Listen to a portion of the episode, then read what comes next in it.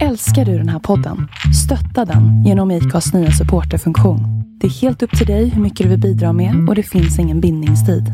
Klicka på länken i poddbeskrivningen för att visa din uppskattning och stötta podden.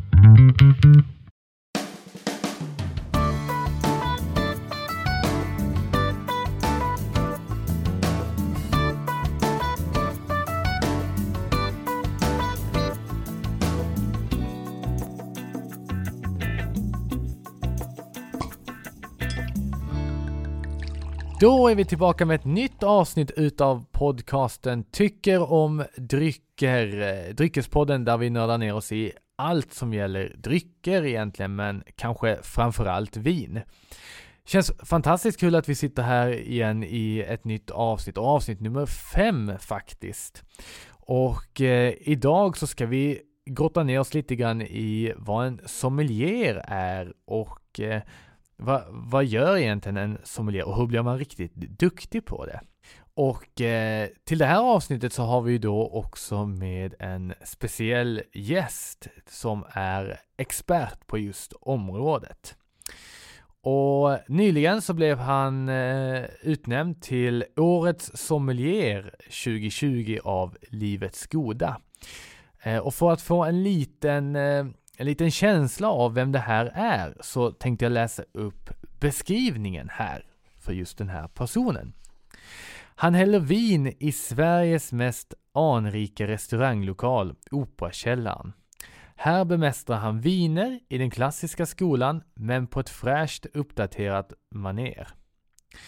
Han uppvisar ett hantverk som få sommelierer i vårt land behärskar och känslan att kombinera dryck med tallrikens råvaror är av ypperligaste världsklass.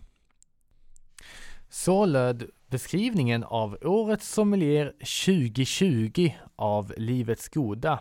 Och vem kan det här vara då som vi sitter här med? Jo, det är Operakällarens chefsommelier som är ingen mindre än Johan Iller. Varmt välkommen! Tack så mycket. Känns, eh, känns jäkligt skojs får jag säga. Ja, Det, vad kul att ha dig här. ja, det, vi har pratat om det här ett tag nu så det är bra att vi äntligen kunde slå slag i saken sådär. ja, verkligen.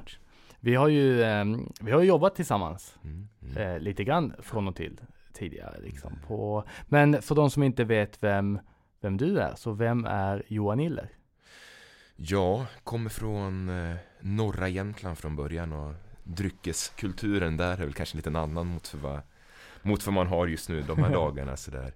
Men så uppväxt i Strömsund. Mm. Eh, gick restaurangskolan där, hade en fantastiskt bra restauranglärare.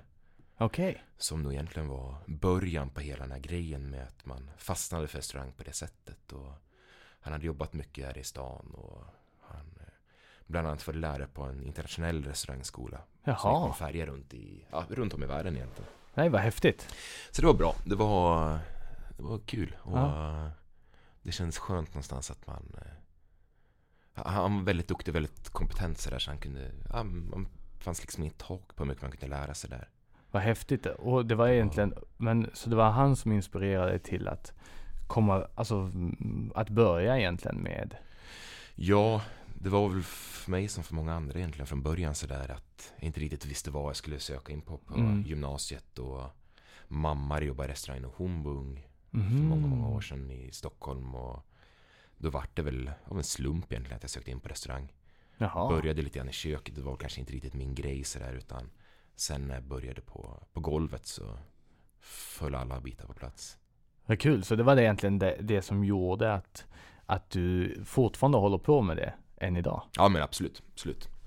Och framförallt var det viktigaste att man fick den här, lära sig lite hedern om, om vad man gör och sådär. Och en stolthet i en trygghet och, och stå på sådär. Så det var... Ja, för det kan jag tycka. Jag pluggade ju själv på, på um, restaurangskolan Mm, också ju. Och, och där var man väldigt mån om att man hade en yrkesstolthet. Mm. Något som man, man kanske inte alltid tänker sig när man pratar om restaurangyrke Mm. ute på golvet. Liksom. Nej verkligen, Eh, tyvärr. Tyvärr. Alltså, och just den här servicebemötandet, alla de delarna. Mm. Eh, liksom. Och det är ju någonstans det som är charmen i själva yrket också. Till viss del kan Ja, jag ja, tycka. herregud, herregud. Eh, men, men, eh, och sen så hamnar du lite mer inriktad på, på drycker så småningom. Mm, mm, mm. Började... Vi gick, eller vi, var med, vi kvalade in till SM i servering på skol, skolnivå då med, så vi åkte och tävlade. Och då fick min gamla, gamla granne reda på det, som jobbade Jaha. i Sälen då. Så hon ringde fram, men skulle inte komma ner och provjobba i Sälen? Ja, Och då har jag precis gått ut skolan och sådär och jobbade som mathant faktiskt första sommaren i nej, storköket hemma i Strömsund. för att vara, ja, men för att vara kvar en sista sommar. ja, Så det var Det var roligt det också Men eh, så åkte jag ner till Sälen Började jobba där Fick egentligen alla Alla möjligheter även där Så jag har haft tur med och haft mycket bra Människor runt omkring mig och Tommy Backner som äger hotellet har alltid varit väldigt mån om att utbilda personal och jaha, mycket resor och he- hela, he, hela spektrat egentligen. ja, Så jag började, jag provade champagne för första gången i mitt liv när jag var 18 år. Eller 19 år hade jag precis fyllt. Nej vad nyårsafton i Sälen. Och då fastnade jag för jag tyckte inte det var så supergott, men jag fastnade för det. Ja, Och var mycket det här med historien bakom och den här traditionen och romarna som gjorde källorna och just det. krigshärjat. Och... Så jag började med, började med champagnen och när jag blir intresserad av någonting så blir jag nästan manisk. Jag kommer ihåg att jag låg uppe på nätterna och gjorde, gjorde register på alla champagner som fanns på Stenbolaget och vad, vad jag tyckte personligen och vad vissa experter tyckte och gjorde en rangordning på vad jag skulle vilja prova. Åh jädrar vad, vad generöst. Ja men det var, det var mycket sånt. Ja, Och jag en kompis då som eh, också var lika intresserad. ja, Och då köpte vi alltid varsin flaska och sen så blindade vi att vi körde en tema att nu ska det vara Blonde Noir eller nej vad kul ju. och ja men faktiskt. Så det var, det var där det började på riktigt. Och sen har det ju som sagt, det har ju bara spridit sig från att det var champagne från början bara till att det Ja men allt som är gott egentligen. Att, eh, Ja, för, för idag så, så jobbar du som chefsommelier på, på mm, Operakällaren mm, mm.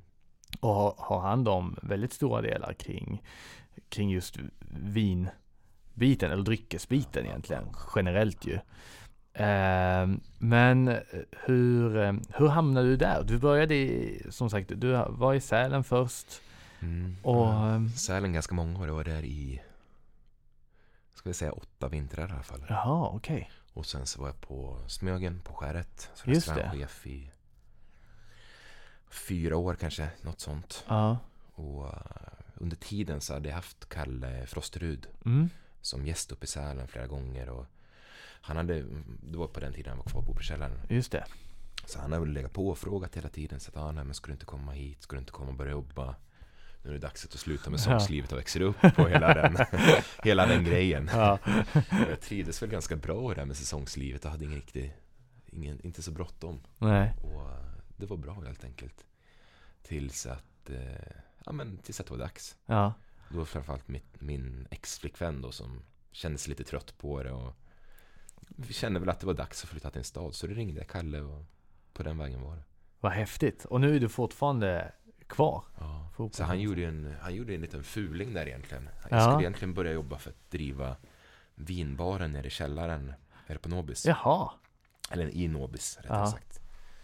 Under, under, under Operakällaren. Ja. Och det var, men då skulle jag börja lite grann i matsalen först och köra sådär. Och det var inte riktigt något bestämt när det skulle öppna och sådär. Nej, Och såklart. När vi pratade från början så var det, "Nej, men det kommer dra igång på riktigt snart. Och, Ja. och jag var väldigt safe i det, jag trivdes. Jag ville nog hellre vara i matsalen också sådär. Men jag tror det var mer för att han hade ju fullt på sommelierer då. Ja, just det. Och jag tror det var mer en grej för att kunna anställa mig också till för ledningen sådär. Att Ja, just det. vi behöver en till för att vi ska öppna vinbaren. Ja. Sen hände inte det förrän på ja, fyra år efter jag började. Så öppnade vinbaren och Ja. kallade i slutet för länge sedan. Då det var. Så det var, det var en härlig historia ändå. Men Ja. det var, jag kommer ihåg när man klev in första gången på Operakällaren sådär. Sen, från att ha varit ganska själv som sommelier och Ja. inte haft så många att bolla med och sånt på säsongsorterna så var det verkligen, kom man in dit och sen så hade man, då jobbade jag med Hannes och Hannes Seman och Sebastian. Just det. Ja. Otroligt duktiga båda två. Från början var man väldigt så ödmjuk och väldigt försiktig Ja. för uppgiften sådär. Man ville inte komma in och ta för mycket stor plats. Och Nej, så där, såklart. Så att, eh, tog ganska lång tid innan jag väl började pitcha in någonting på vinpaketen och sånt där. Och sen så...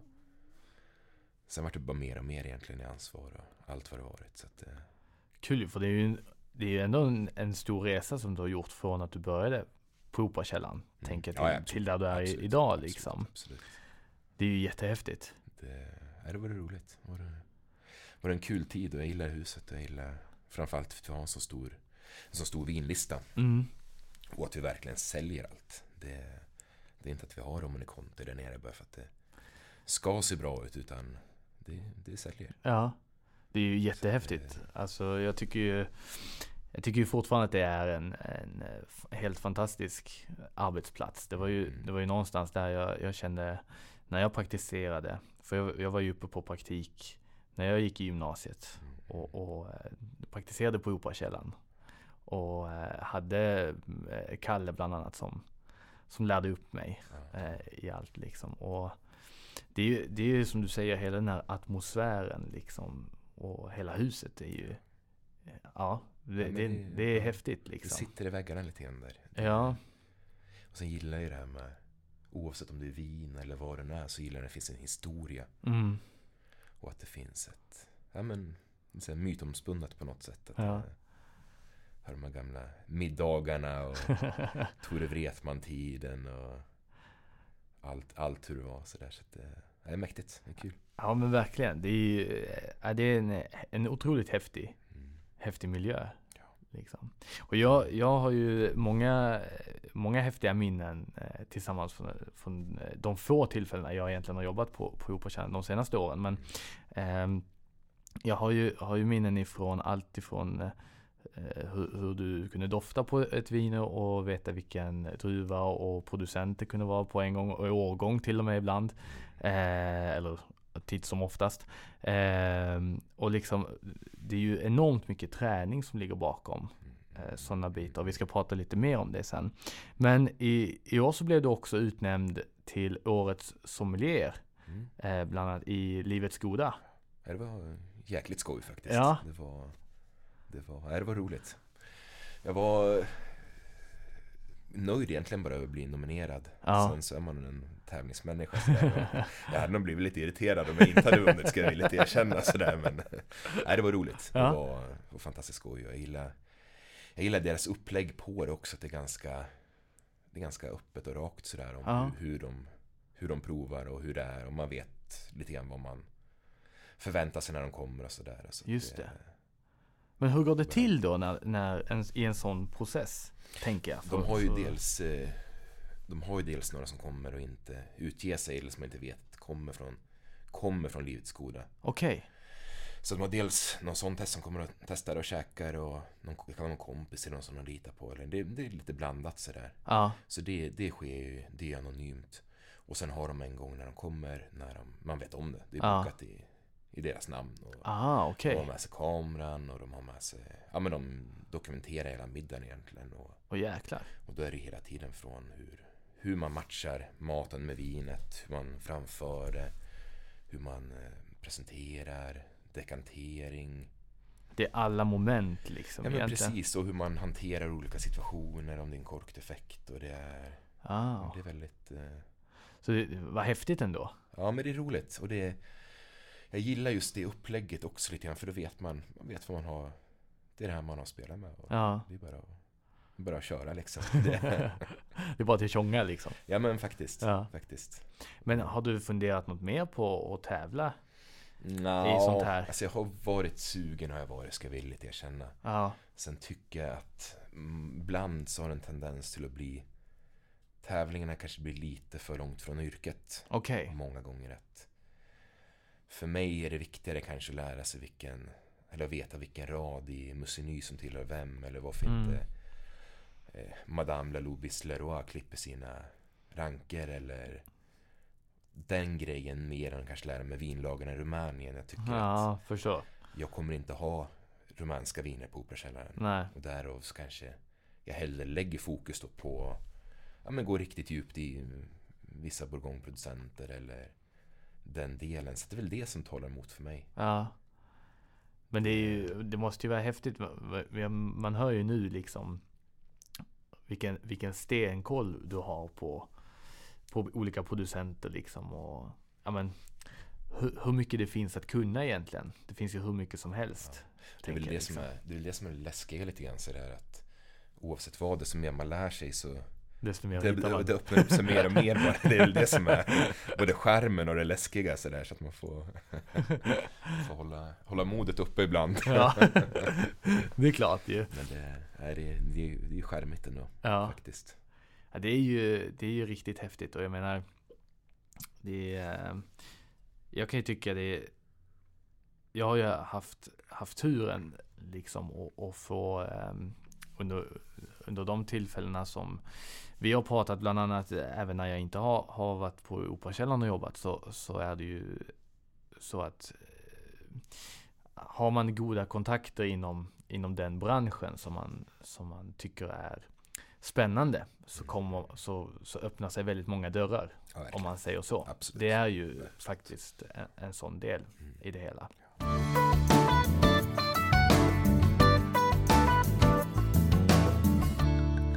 men det är jättespännande. Vad är nästa steg här nu då?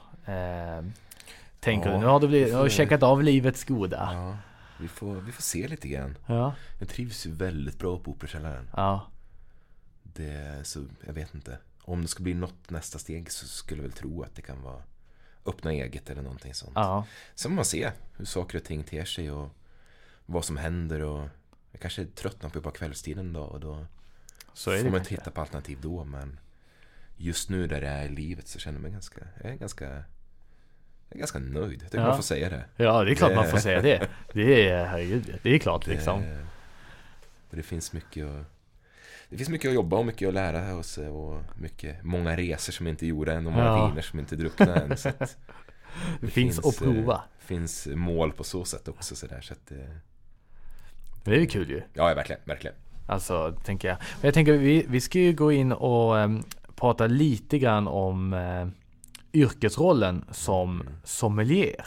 Har jag tänkt. Eh, för, för många kan jag själv ha, ha tyckt innan jag blev intresserad utav just eh, restaurangyrket och sådana bitar så, så eh, var det ändå så att sommelier, det visste man eh, lite grann vad det var. Det var någon som hanterade viner, men det var egentligen det man, man visste. Det hade en lite högre roll än servis kanske, om man skulle prata i restauranghierarkin, kanske liksom på det viset. Eh, men jag tänkte, om du som är expert på området får, får mynna ut liksom, vad är en sommelier egentligen och vad är en sommeliers roll? Alltså jag skulle nog nästan vilja säga, alltså, nu låter det klyschigt men sommelier för mig kanske inte är ingenting man pluggar sig till eller, utan det är mer en livsstil, en, mer en helhet med allting. Och Mm.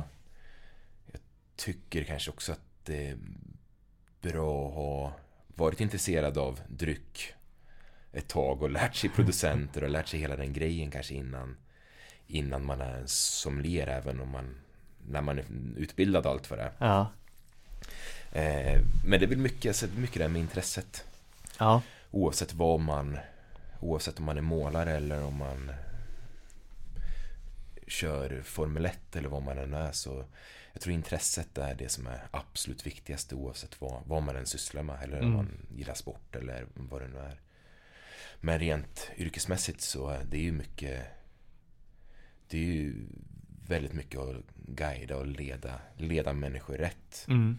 för att få det de vill ha även om de kanske inte kan uttrycka sig på det sättet som Just det, för det handlar ju någonstans, det handlar ju om att para ihop mat och dryck mm, i stora mm, delar liksom. Och, och jag kan ju tänka mig liksom, på, för du var inne lite grann och pratade om livsstil, det tänkte jag vi ska prata, komma tillbaka till också. Men eh, du pratade lite grann om att, att, att den här intresset behöver finnas redan från början. Ja, jag jag. tror att det är viktigt. Ja, Jag tror att det är, jag tror det är absolut det viktigaste av allt faktiskt. ja, Att man ska ha den där hungern för att, för att vilja vara sommelier. Och jag tycker det innefattar att man ska nu kanske det låter hårt men att man ska ha, man ska ha en liten vinkällare hemma. Man Ja. tycker att det är roligt. Då ska det, då ska det komma liksom av sig själv att man Ja. vill samla lite vin, man vill ha lite vin. Och man har lite flexibilitet när, när man ska bjuda hem på middagar själv eller att man ska ta Just med det. sig en flaska. Sen förstår jag självklart att det finns vissa restriktioner där, att man kanske inte har plats för att ha vin hemma eller att man kanske inte har ekonomin för eller vad det nu kan vara. Så det har jag all förståelse för.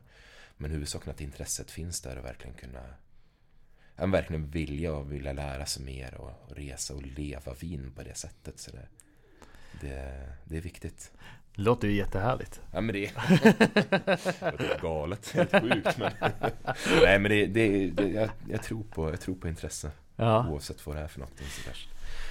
Det, Ja, men tänker du då att det endast handlar om vin eller är det mat och dryck generellt i kombination som ja, ja, intresset? Ja, men precis. Det, det, det flyter ihop lite grann. Ja. Sådär, det, och man ska lära sig, man måste prova mycket. Man ja. måste testa mycket kombinationer, man måste vara ganska öppen i sinnet även om man har bestämt sig för en tanke innan sådär. Och det, kan, också, det kan också vara svårt. Ja, det är klart. Man har ju sina valda sanningar. Eller ja, men det blir sådär. Meningar, liksom säg bara som, jag hade ett praktexempel igår kväll, alltså det är inget, ingenting så sådär men jag och två kollegor på jobbet skulle ut och käka och mm. Vi hade bestämt oss, vi skulle dricka Comte Chabelair, hans eh, Von Romane La Colombia 15 på hjulet. Mm. Så kommer vi dit och då är det uppdrucket. Och då är man så helt fast i tanken. jag skulle ju dricka liksom. Le Chabelair. Jag skulle dricka Von. Vi sitter och bläddrar i den där listan. De har en fantastisk vinlista. Men det ja. går liksom inte. Inte när man har hittat den Nej, man vill men det ha, var så liksom. totalt inne i det. Så ja. slutar man för att Chabelair ändå. Fast ja. annan, annan by och annan, annat år. Men så det löses ändå. Men det är så. Man kommer på sig själv hur dum man är de där gångerna. Att man sitter liksom så otroligt inrutad på att det är det här man ska ha. Så det är viktigt att komma ut utanför den ja. boxen eller den Men det, beslutet. För, för, det kan jag också tänka mig att nu, eh, nu när vi pratar om sommelierens roll att viss, vissa gäster som kommer kanske har en förutfattad mening om vad man gillar eller vad man eh, men vad, vad, man är ute efter just den här kvällen liksom. Och då, då ibland så kanske man har gäster som verkligen vet vad det är de är ute efter. Ibland så, så behöver man överraska dem. Hur, hur, hur tänker du kring det i din yrkesroll? Liksom? Att vi har eh, just på Operakällaren så är det ganska mycket Det underlättar lite grann för att man har namnet bakom sig och man har trygghet i det. Och mm. Folk blir lite mer öppensinnade om man säger det jämfört kanske när man började övertala folk när man var på Skärets krog i Smögen. Ja. Även om folk hade förstod att man kunde och man hade en pondus när man berättade för dem. Mm. Det är lite lättare på Operakällaren.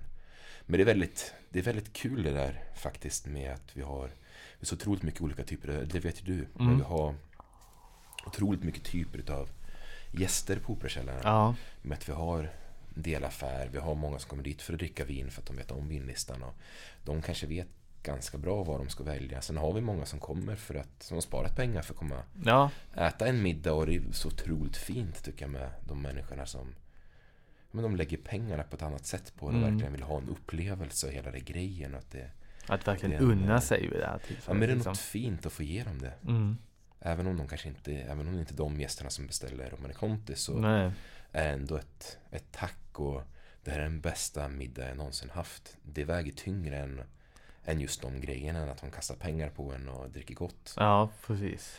Men, men vanligaste myten sådär, eller vanligaste grejen vi har att ja. jobba med det är att vi jobbar ju väldigt mycket med ost. Ja, just det. Och väldigt många vill gärna ha den här ja. kraftiga röda till osten. Just det. Är det, man gör. det är som man gör hemma. och vi provar hela tiden att pitcha in det med att vi har en ostvagn, vi rullar dit sötvinsvagnen och ja. vi provar att anpassa utefter vad du väljer för ostar med varje dryck och sådär. Så det kan vara tre, fyra, fem drycker till en osttallrik. Det. det är ju häftigt. Och inget rött då såklart. Nej. Men det är, det, det är roligt. Det, ja. det är någonstans där också så kul att se gästerna hur de vänder då från att de vill ha det här kraftiga röda till att de tycker att det är fantastiskt med sautern till eller med ja. vad det nu kan vara. Det är häftigt för då kommer vi in i det lite grann med yrkesstoltheten som vi började prata om innan. Eh, just det här att man är stolt över vad man förmedlar tänker jag. Ja, ja. Liksom i det.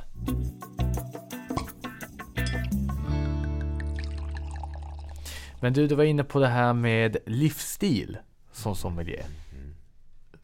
Vill du utveckla det? Liksom? Vad innebär en vad är livsstil? Liksom? Jag har ju min ja, bild utav ja. det. Jag tror att de är ganska lika. Det, man lever ju väldigt mycket vin. Ja, Blir det och många resor man gör även privat blir ju dryckesrelaterade. Mm. Att man går ut på restaurang och man dricker bra vin och man dricker bra vin när man är hemma och hela den grejen. Nu, sen får du inte gå till överdrift heller. nej nej. Man ska ju fortfarande kunna träffa mina gamla kompisar från Ja. Jämtland så pratar vi ju inget vin. Eller, Nej, såklart.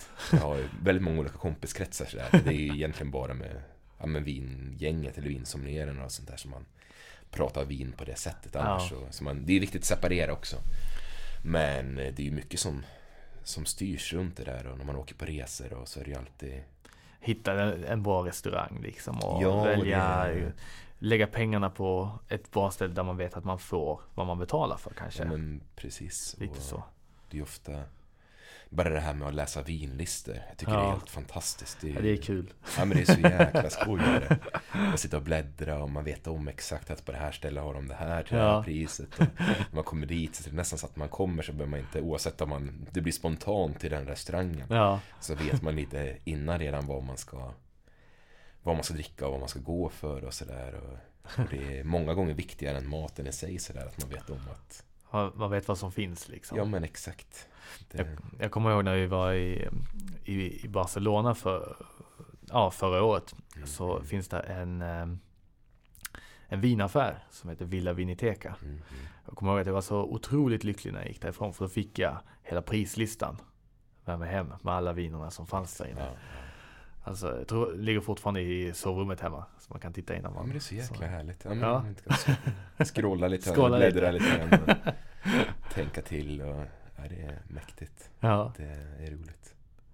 Det, men just det med resan är det som också ger mycket, ger mycket energi till det man gör. Att man har de här resorna att se fram emot Mm. och man vet om att nej, men, det kommer bli mycket, vi kommer prata mycket Bourgogne idag Ja. som. Men man åker ner till Bonn och första man gör man går till CPH, den vinbutiken nedanför. Man skyndar sig direkt in till dessa allokerade hyllor. Man bara får köpa en flaska utav varje och, och kolla vad de har den här gången. Och, ja, det, är, det är något fint i det.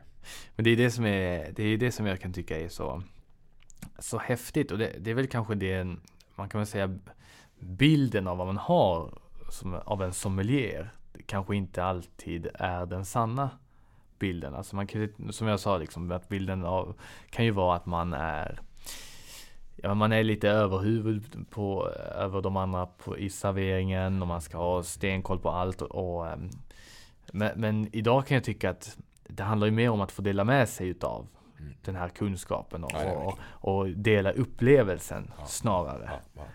Liksom. Det är viktigt. Och det är, det är väl också sådana grejer man landar i mer efter desto fler år man jobbar med det och desto mer man fortsätter driva på det sådär. Och Det är viktigt att hitta den här känslan hos gästen också. Och Mm. vad, vad gästen i fråga vill veta och vad de vill få ut utav, utav den här presentationen av vinet. Att den här gästen kanske skiter i om det är 18 månader på fat, om det är Ja just det, ja. utan den kanske hellre vill höra en, lite storytelling och att man förklarar på ett bra sätt vad Mm. de kommer att hitta i vinet. Att syran kommer komma, mineraliteten kommer att flytta in och det, det som kommer hjälpa till med såsen och lyfta. Och, Just det, så att det blir man- hanterbart. ja men precis, Liksom. för det är så jäkla tråkigt oavsett vad än det är när man kommer på restaurang och sen så kommer en person och presenterar och inte för att de presenterar för att göra någonting bättre utan för att de presenterar för att det är någon som har sagt till dem att du ska presentera det här och sen trycker de på play på Ja bandspelaren det. och sen går det här inövade Ja. bam, bam, bam, bam, bam och sen sitter man kvar efteråt och tänker lite grann så vad vet inte Det blir ju inte personligt. nej men det blir, Tänker jag liksom. det blir bara krystat och krystat är aldrig roligt. Utan det Nej. ska vara, det ska vara avslappnat, det ska vara roligt och det ska Ja. vara med känsla och med tanke bakom. Och, och sen såklart kommer du då som gäst som vill veta fathantering, du vill Ja. veta vinifikationen bakom vinet och vilken stil eller årgång. Mm. Och då ska man kunna. Man måste ju, att man måste ju, vara- man måste ju ha ett väldigt brett spektra. Tänker jag på, på, Mm, precis. på liksom. Men, men det handlar ju, tror jag också om det här att- som du själv säger, att man tycker att det är kul. Ja, ja, Alltså att man måste fortsätta hålla igång det. verkligen. Så att verkligen. säga. Och sen så Och att öva och prata på många, och just att det känns avslappnat. Ja, ja, ja. För det kan jag tycka första gången när jag, när jag gick in på, på Operakällaren Mm. så var det ju verkligen där, oj, här är det, här går man spikrakt, här är man, alltså man är rakryggad när man kommer in här liksom. Men det blir ju en, det är ju en helt otrolig familjär känsla, det är en mysig känsla när man sitter där inne liksom. Och det kan jag tycka, det, är- det blir ju lite kärnan i att, att jag kommer ihåg mycket när jag går därifrån. Alltså, Det är ju det, du ska ju må bra. Och Ja. mår du bra, då får du en bra känsla i kroppen. Och sen kan det hända att om, om fem år så kommer inte du ihåg vad du åt på. Operakällaren. Men du kommer ihåg känslan du hade när du lämnade det. Den, den sitter kvar. ja, Det, och det, man ska inte underskatta den. Det, det är viktigt. Och framförallt på ett sånt ställe som Operakällaren så blir det ännu viktigare just för att det är, de, det är den lokalen och det är det namnet. Och det händer ganska ofta att vi har gäster som kommer, kommer till Stockholm. De ska, som vi sa lite grann innan, de Mm. sparar pengar. De ska, de ska unna sig, de ska gå på Operakällaren. ja, Och de kommer in och är livrädda så man känner på dem Ja. att de vet inte hur de ska hantera och de bara tänker på vilka bestick de ska använda och precis. hur det här ska gå till. Och då är det ju det absolut viktigaste av allt. Det, det jag brukar göra då, Ja. det, då brukar jag låtsas att jag pratar med morfar nyligen. Han pratar jamska på riktigt. alltså, Så jag brukar bre på lite grann med Ja. dialekten då. Ja, men visa att jag är bondigare än dem Ja. här minsann. Så att, kom inte här då. Kom inte här och var stel. Och det är viktigt tror jag att ha den uh, avdramatisera upplevelsen ja, och få dem att känna sig avslappnad och sen kan man bygga upp och styra kvällen lite grann som man vill med dem utan det Det är ju det är så häftigt liksom, tycker jag, nu när vi pratar om det liksom. För man märker ju så här hur, hur, hur rollen som sommelier, när man verkligen brinner för det. Liksom, och, och alltså vad man kan, det är ju så mycket mer än att bara kunna vin. Ja, ja, Så att säga. Det blir en helhet. Det, alltså, det, det blir ju, det är ju alltihopa upplevelser. eh, ja. Liksom. Vi har ju egentligen inte pratat så mycket vin nu. Vi har mer pratat Vi har om mest pratat om, service och känsla eller vad Men jag tycker det flyter ihop i det och det Vinet är otroligt stor del utav helheten mm, Men att det är viktigt att man får med sig allting och att man inte Tycker att man känner sig för bra för en gäst eller att man Provar för gästen att bara Tycka om det en själv dricker ja utan att man, precis. man får läsa gästen och Känna efter Sen ska man alltid pusha och Tulla lite grann på vad den säger att- Såklart.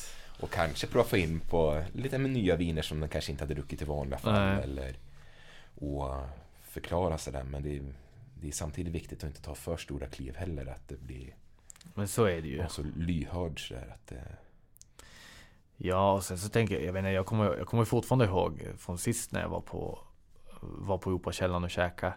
Fortfarande är eh, toknöjd över eh, anklever och en spätlese mm, ihop mm, liksom. ja, Tycker fortfarande det ja.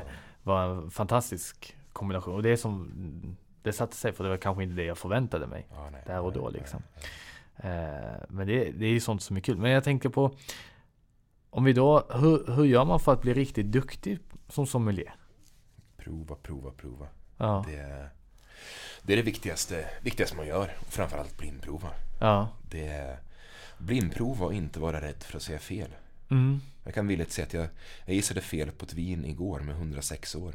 det, det är nog Ja. nytt rekord faktiskt. Och en ganska, ganska dålig, dålig skjutning om mig. Men det var, Ja. men eh, det var samma middag som jag berättade lite Ja, innan det. där. Och en eh, kompis som ställde fram ja. fyra glas till oss.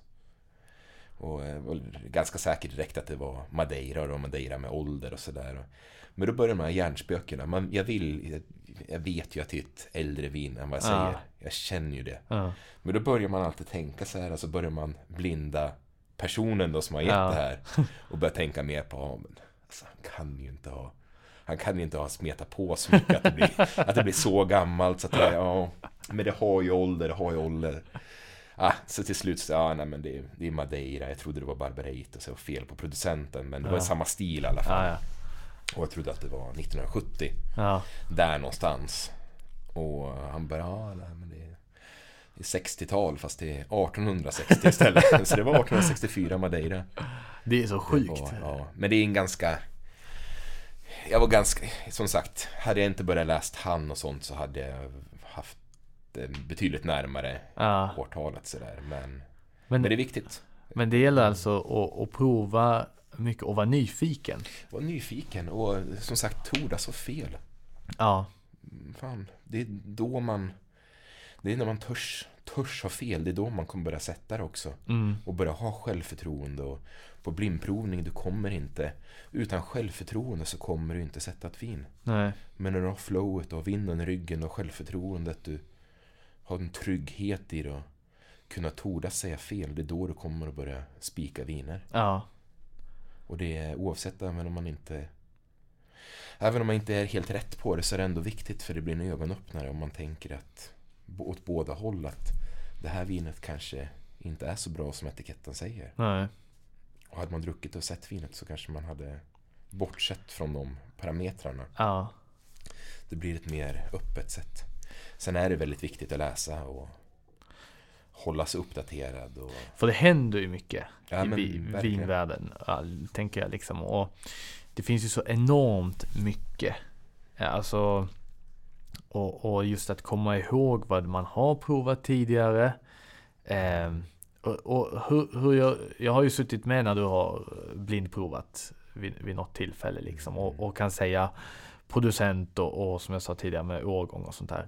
Och eh, alltså det kräver ju mängder utav övning. mm. Eh, Men, men hur gör du för att kunna komma ihåg sånt där och kunna jämföra ett om ett annat? Är det, för, är det genom teknik för att veta hur det var det året till exempel? Eller är det en... Ja, men både och skulle jag säga. Ja. Första, första känslan är alltid den viktigaste tycker jag. Ja, Och då, kan det, då sitter det någonstans i ryggmärgen att man har provat det här vinet eller producenten. Att man, det finns vissa, vissa saker som bara sitter där i ryggmärgen som sagt.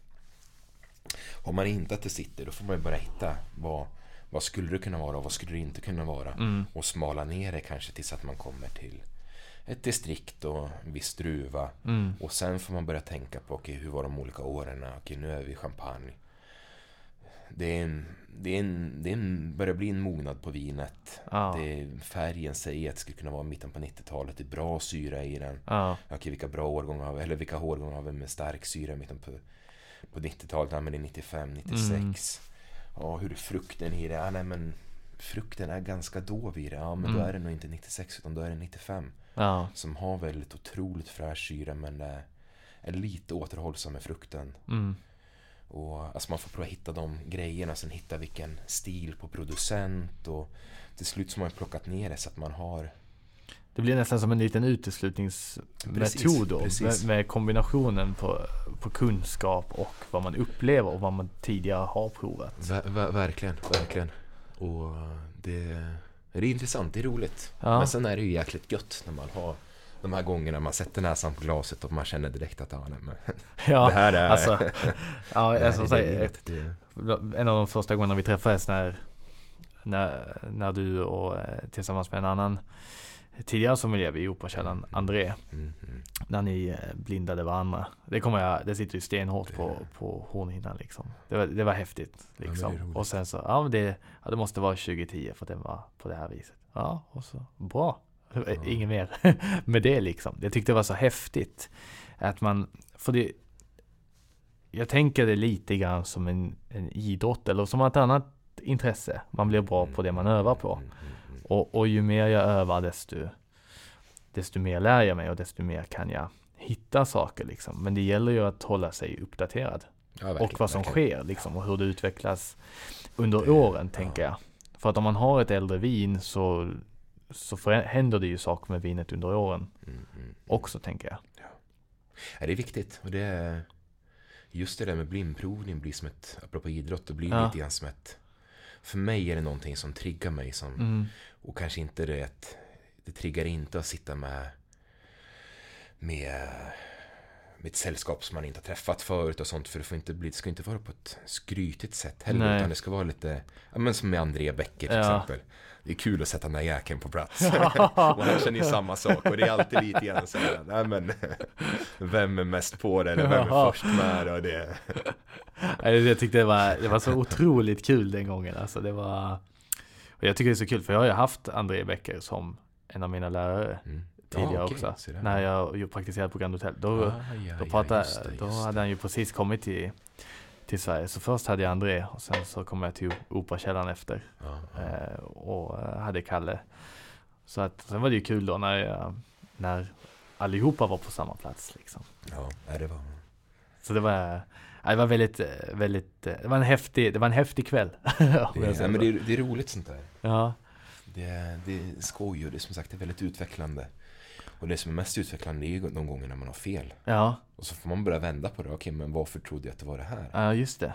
Och hitta tillbaks, vad skulle jag ha hittat i vinet för att ha gått rätt istället? Ja, Då får man börja tänka så istället. Så det, men det är, är det jäkla roligt som sagt. Det, det gäller ju verkligen att man, eh, att man tycker att det är kul ja, hela ja, vägen liksom. Ja, Och att man, och som du säger att det är okej att ha fel. ja. Liksom. ja, det är viktigast. Det är, Alltså, det är ju, eh, det, det finns ju inget roligare än att sitta och, och prova mycket.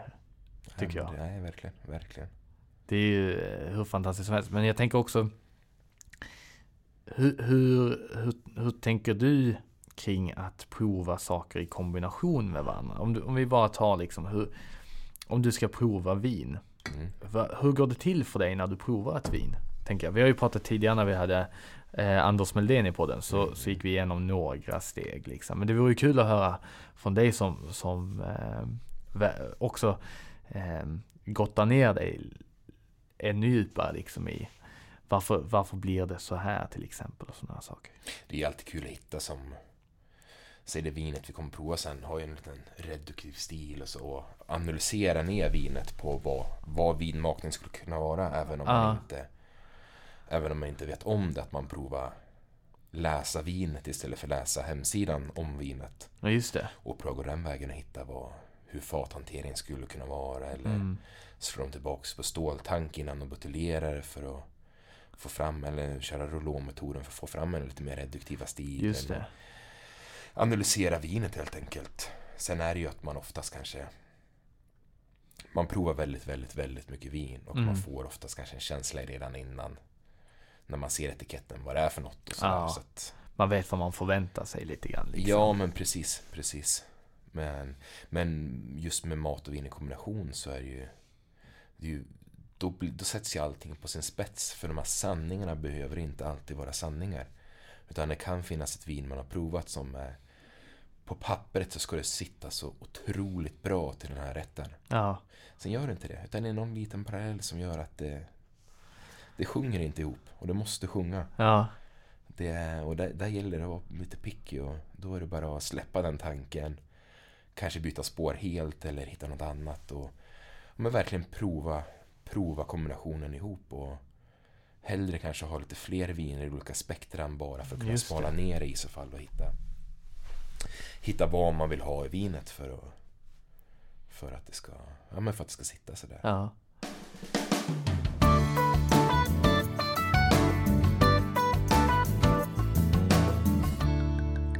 Är ju så, det är ju så häftigt att, att sitta och, och höra liksom eh, på just hur du tänker kring, kring vin liksom. Och, och hur man hör ju liksom när, när du spinner igång nu liksom. Ja men det är det där och det är det och det och det. Men hur gör man då för att hålla koll på vin? Alltså förstår du jag menar? Hur, hur kan jag hålla koll på att jag vet att den här, ja det är ju samma sak där med kunskap och sådana saker. Men, men om vi ska tajma mat och dryck i kombination så kan det ju vara väldigt små parametrar som är skillnaden, som gör skillnaden. Ja, ja absolut. Tänker jag. Verkligen. Eh, verkligen. Hur, hur, eh, hur tänker du när du parar ihop då mat och dryck? Liksom, vad kollar du på för parametrar i de olika delarna? blir ju först att man vill hitta någon typ av smakprofil som stämmer med både vinet och rätten i sig. Att man har en örtighet eller att Mm. Någonting som kan hitta en symbios mellan, mellan vinet och maten i sig. Att det ska finnas en någorlunda liknande smakprofil i det. Och sen kan man ju välja på att bygga upp det på olika sätt såklart. Mm. Men att man eh, Säg som, jag säga, nu på jobbet kör vi en ankleverett Mm. med lite krossade lite, lite nötighet i det. det blir, Mm. Eller lite krossad hasselnöt för att få ett krisp. Färskhalstrad anklever, lite äpple. Mm. inte så supersött, men det finns vissa söta toner. Då vill jag kanske inte nödvändigtvis ha ett ha ett sött vin till, men jag vill ha ett vin som ter sig sött. Och då har vi kört Ja, mycket med Trimbach, deras eh, Ribopierre Gewürztraminer 2012. Mhm. Och där skördar de ju druvorna senare. Ja. Sötman i, i druvorna. Men istället så jäser de ut vinet hela vägen så att det ligger väl på Aha. 14,5 procent. Ja. Men när du sätter näsan på glaset så då får du en känsla av att det är ett, nästan ett dessertvin. Alltså du får Aha. den söta, söta karaktären medan att när du dricker det så får du en mycket torrare stil på, eller en helt, helt torrt, helt Ja. torr stil. Och lite värme från alkoholen så där som jag tycker går väldigt fint mot nötigheten. Och Vad häftigt. det, och det är som sagt, det finns lite olika vägar att gå. Mm. Och det, nu har jag precis sett och sagt att den rätten behöver inte sötma. Nej. Men den kan göra sig bra med sötma också. Som på Grand Cru-paketet så har jag valt det andra spåret. Då, Ja. då kör vi för tillfället eh, Chateau du Cam 62. Jaha. Vilket har en, en sötma i sig. Även om det inte blir som ett dessertvin. Och framförallt när den har fått den här åldern och torkat ut lite grann. Och, Ja. och får med de här saffranstonerna som verkligen kommer fram. Men det är som symbios i frukten på det. Att det sitter ihop allting. Och Ja. väldigt komplett vin.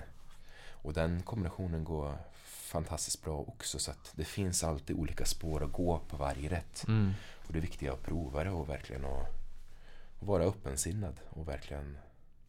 Att det finns inte ett rätt svar liksom. Nej men precis, Alltså, det, finns, det finns olika vägar och, och det är viktigt att prova båda vägarna. ja.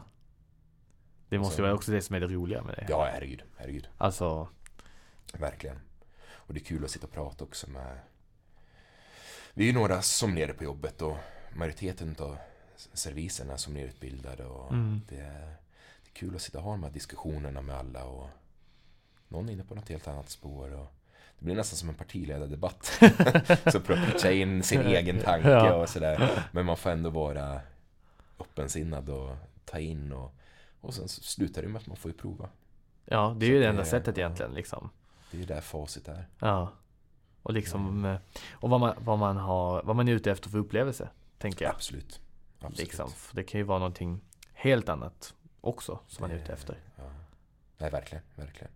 Och sen kunna förmedla det till gästen. Vad man har tänkt och vad de ska, vad de ska känna för upplevelse och, och varför det blir så som man säger. Ja, Så att det, det blir hela paketet. Det är inte bara att köpa inte bara till vin att slänga eller bestämma vin utan det, det är allt ifrån från att beställa hem vinet till att leverera det till att faktiskt hitta en ekonomi i det också såklart. ja, Och vad, vad man ska...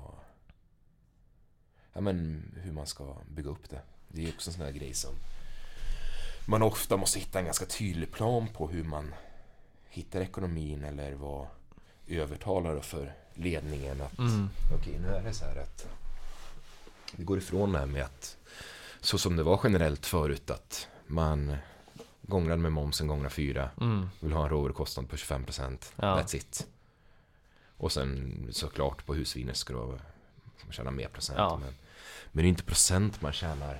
Det är inte procent man tjänar pengar på utan det är pengar man tjänar pengar på eller gör att ja, ett företag kan vara flytande. Och det är mycket det jag tror.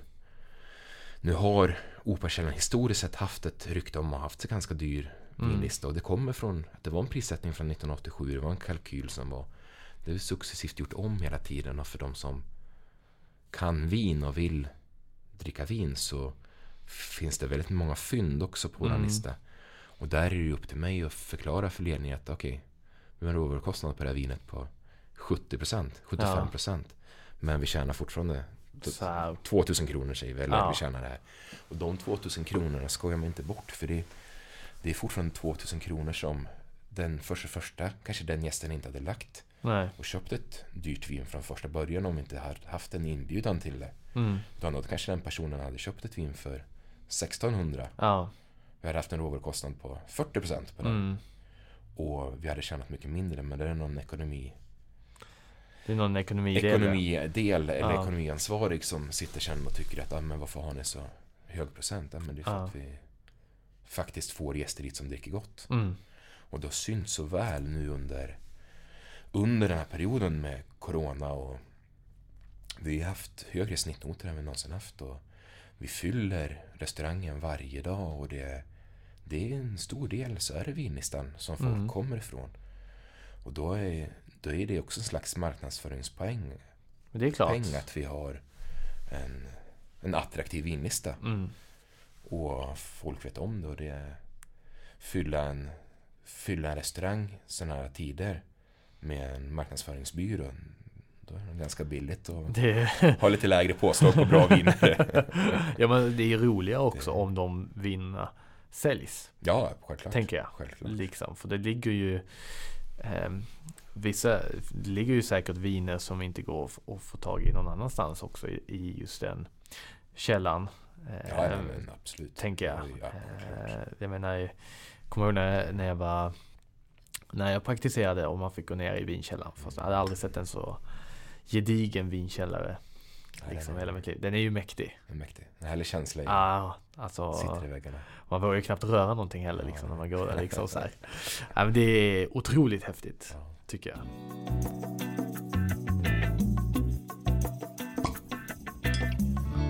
Så, det var allt vi hade att bjuda på i del nummer ett utav det här avsnittet med Johan Iller.